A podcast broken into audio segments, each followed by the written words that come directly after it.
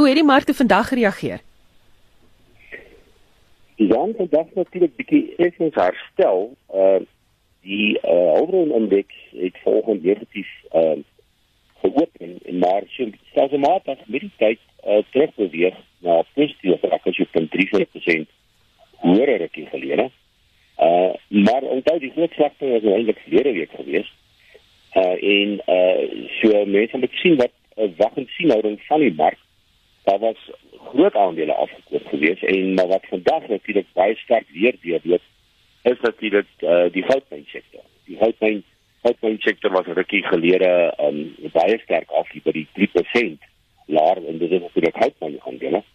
Uh natuurlike mens moet dit uh al hierdie faktore in ag neem van ander mark aanwysers ook soos byvoorbeeld die houtprys wat vandag laag is.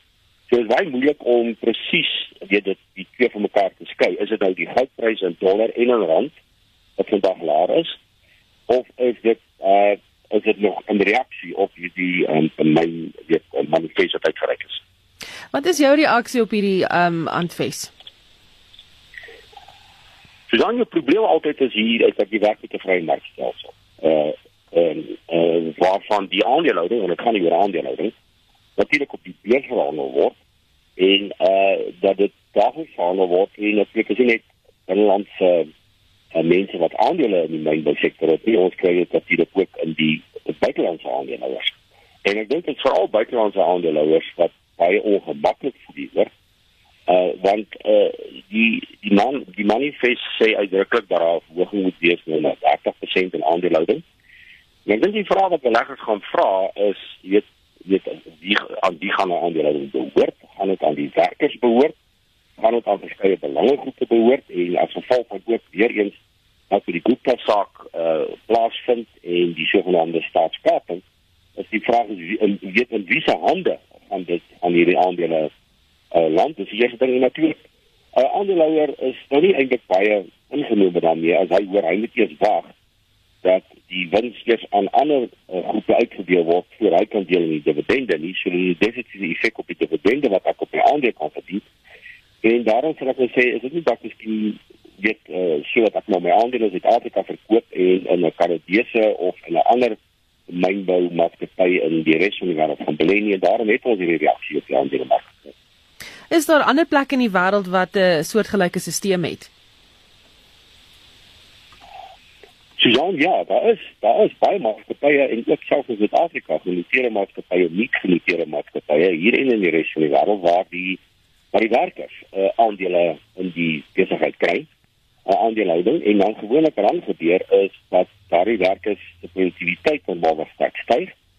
En ek dink ek sou oor daai oor daai boek wil gaan het hier. As daar die manifest hierdie aandeelhouding aan die werkers spesifiek verdeel toeken en dat hulle besef dat ons deelneem in ons deel deel in die myn en as die winste hoër is en die produktiwiteit hoër dan gaan die maatskappy beter doen die aandeleprys gaan styg en uh, ek gaan 'n hoër dividende uitkry en die waarde van my aandele is hoër. Ek sou dit graag wil gesien het dat dis werklik die die werkers in die myne dat hulle 'n aandele skema deelneem aan 'n aandele skema sou kry dan dat switch kan werk maar net al gewerk in uh, maatskappye in Suid-Afrika en, en ook oor die res wêreld. So vir my gaan dit oor die detail oor weet wie gaan die aandele kry en wat gaan die effek daarvan op die bepaalde byn en dan op die ekonomie wees. Nou die aanfees word voorgehou as deel van die radikale ekonomiese transformasieplan. Dan word onder andere gesê dat die aanfees tot baie werkskepping sal lei. Stem jy saam? Suzanie nie noodwendig. Die mens mens mens kan dit sê nie, want ek bedoel wat wat wat is die werkskepping? Werkskepping gaan is altyd nog wat dit nou 'n funksie van van die vermoë van die onderneming om produktief te wees en om wins te maak. Nou, uh, jy kan nie sê dat die oorhandiging van die aandele uh dat aanleiding tot werkskepping gaan gee nie, want dit is nie gesê dat die myne meer werk gaan skep nie. Inteendeel, dit kan wees dat myne gaan net minder werk skep as gevolg van presies dit dat hulle hulle aandelepryse val en uh hulle winsgewendheid in die maatskappy word onder druk geplaas en dit beteken dus dat werkers afgelê gaan word.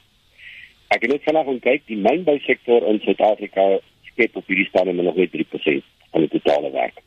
En uh, die aan die einde van Maart 2017 was daar 440 000 werkers in diens in die ehm um, mynbousektor uit die 16 miljoen.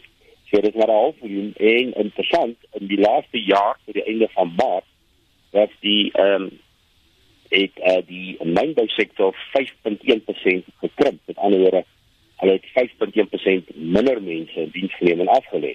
So dit is duidelik dat dit eers in die mynbousektor daar groot afregting plaasvind. So ek kan nie sien dat die verklaring van Sweet dat aandelehouding versprei gaan word gaan aanleiding tot werkskepping gee. Die daai studies wat gedoen word, dit dit dit, dit lyk dit vir my albaar dat dit dit, dit noodwendig gaan gebeur. Inteendeel, ek dink dit teenoorgestel gaan.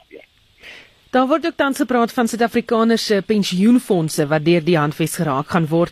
Um, hoe presies sal Suid-Afrikaners se sakke geraak word?